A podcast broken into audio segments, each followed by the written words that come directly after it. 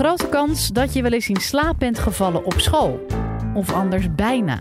En dat lag heus niet altijd aan je docent of aan jou, maar vast aan je muffe klaslokaal. Nou, om goed te kunnen presteren is het namelijk superbelangrijk dat de luchtkwaliteit en temperatuur in een ruimte goed is. Nou, bouwkundige Elfie Nelissen van de TU Eindhoven legt in deze podcast uit hoe je tijdens het ontwerpen van een gebouw hier al rekening mee kunt houden. Live vanuit Club Air is dit de Universiteit van Nederland. We hebben de CO2-concentratie van deze ruimte gemeten voordat het publiek hier was. Daar hadden we tijd voor. En het bleek dat die CO2-concentratie ongeveer 620 ppm was. 620 parts per million.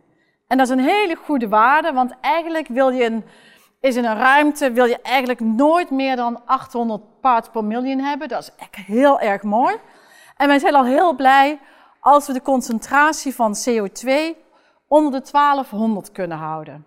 Zeg jullie misschien niet zo heel erg veel, maar wij, ik heb vaak metingen gedaan in scholen. En het was niet uitzonderlijk als we zelfs waarden hebben gemeten tot zo'n 4000 parts per million. En dan is het echt heel beroerd. En um, daar probeer je natuurlijk wat aan te doen, want het is natuurlijk niet echt bevorderlijk voor je leerprestaties als je in een hele slechte ruimte zit. Overigens is CO2 een maat om de vervuiling van de lucht uh, uit te drukken. Er zijn duizenden vervuilende stofjes in de lucht.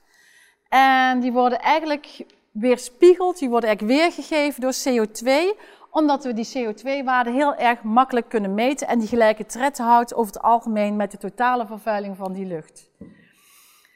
Uh, buitenlucht heeft een veel lagere CO2-concentratie. Het ligt een beetje eraan waar je woont, maar soms is het maar 100, soms is het 200, soms is het 400. Maar die zit over het algemeen vrij laag. Dus wat is nou uh, de methode om te zorgen dat je een lage CO2-concentratie houdt, of een acceptabele CO2-concentratie houdt? Dat is ventileren. Dus buitenlucht naar binnen brengen, mengen met de bestaande lucht en ook weer een deel afvoeren. Dat is eigenlijk wat je doet als je gaat ventileren. Um, eigenlijk is het dus helemaal niet zo gek dat middel, middelbare schoolkinderen, maar ook basisschoolkinderen, dat die af en toe wel moeite hebben met zich te concentreren. Want die CO2-concentratie die reist nogal eens de plan uit. Nou hebben we de norm frisse scholen gemaakt.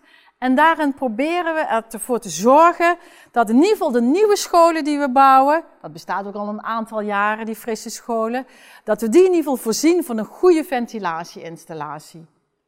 Want je kunt natuurlijk wel op een natuurlijke manier je, uh, uh, je lucht verversen door het raam open te zetten. Maar wat zie je in de winter? Dan zetten de mensen de ramen weer dicht. Want het is echt niet comfortabel als je in de buurt van dat raam zit.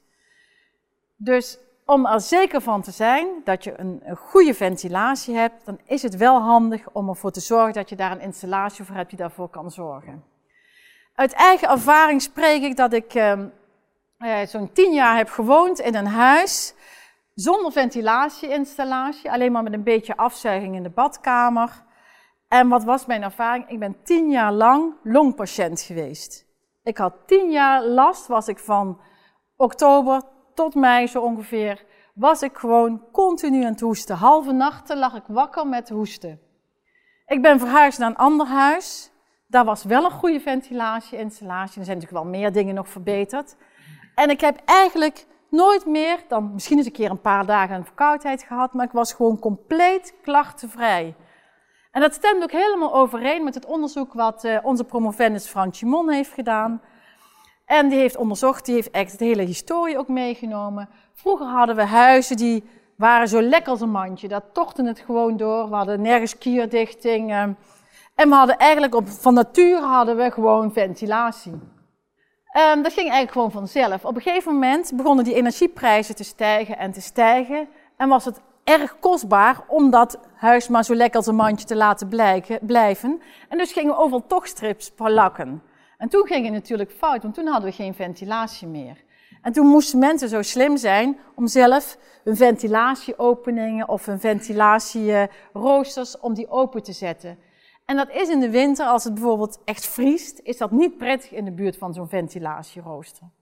Maar je hebt wel die ventilatie nodig, want anders heb je echt risico's op gezondheidsklachten. Je kunt uh, oog, neus, keelklachten krijgen, je kunt astma krijgen, je kunt COPD krijgen.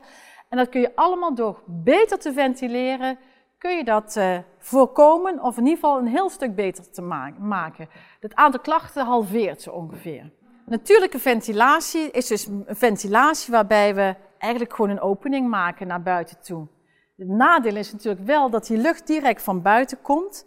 En die lucht moet wel weer helemaal opgewarmd worden. En dat kost relatief veel energie. En dan grijp je al snel uh, uh, grijp je naar uh, mechanische ventilatie. En bij mechanische ventilatie zorg je ervoor dat de lucht direct van buiten, door middel van een ventilator, in een kanaal komt. Die lucht die wordt verwarmd met de afgevoerde lucht en die wordt ingeblazen in de ruimte.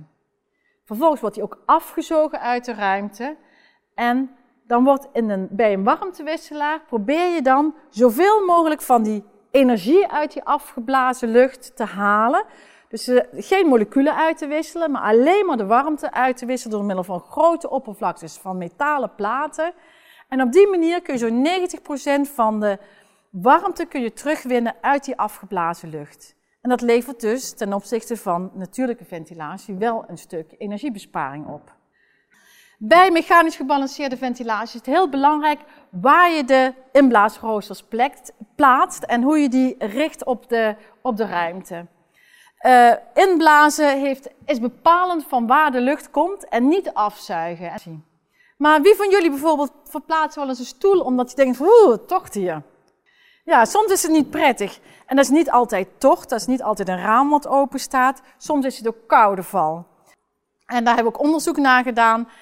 En dat raam, dat, uh, dat is in de winter vaak kouder. Zeker als je geen driedubbel glas hebt, maar bijvoorbeeld maar enkel glas hebt. En dan valt die lucht eigenlijk langs dat raam naar beneden. Als je beter glas hebt, is dat effect veel kleiner. Dus naarmate we betere soorten glas toepassen, is dat probleem veel kleiner. Vroeger hadden we eigenlijk steeds een radiator bij dat glas staan en zorgden we ervoor dat die koude val een tegenbeweging ging maken. Dat die naar omhoog werd gestuurd en dat je dus geen koude voeten kreeg. Nou bouwen we tegenwoordig, zeker als je praat in combinatie met een warmte-koude opslagsysteem, bouwen we steeds met laag temperatuur systemen steeds meer. En dat is bijvoorbeeld vloerverwarming. En die vloerverwarming, in combinatie met die koude val langs dat raam, zijn we gaan onderzoeken van, is dat nou hinderlijk voor die mensen of vinden ze het eigenlijk best comfortabel? En toen hebben we eigenlijk daar een aantal conclusies uit kunnen trekken. Eén conclusie is dat het heel erg meevalt hoe oncomfortabel dat was. En dat we eigenlijk helemaal geen radiatoren meer hoeven te plaatsen in dit soort situaties. Dat mensen het prima vonden. Het is toch heel belangrijk om te weten, want dan ben je van die lelijke dingen af, die geld kosten en smerig worden. Maar een ander effect wat wij indirect ook uit dat onderzoek hebben geleid, afgeleid, is dat er echt een heel groot verschil is tussen mannen en vrouwen. En dat wisten jullie misschien al. Maar ik bedoel hier echt de, de, de thermofysiologisch gedrag van mannen en vrouwen is heel verschillend. We dachten altijd dat ze zich hetzelfde gedroegen. Dat het verschil in ervaring met name werd veroorzaakt omdat vrouwen zich slechter kleden dan mannen. Althans, minder dikke sokken aan hebben en zo. Maar het verschil zit ook echt in de fysiologie van de mensen zelf. En dat hebben we gedaan door de huidtemperaturen allemaal te meten. En dan blijkt dus dat vrouwen de uiteinden, dus handen en voeten, echt lagere temperaturen hebben dan mannen.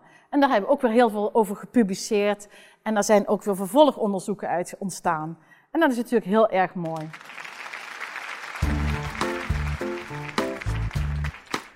Dit was de Universiteit van Nederland. Wil je nou nog meer horen, bijvoorbeeld over de vraag waarom zoveel millennials kampen met een burn-out?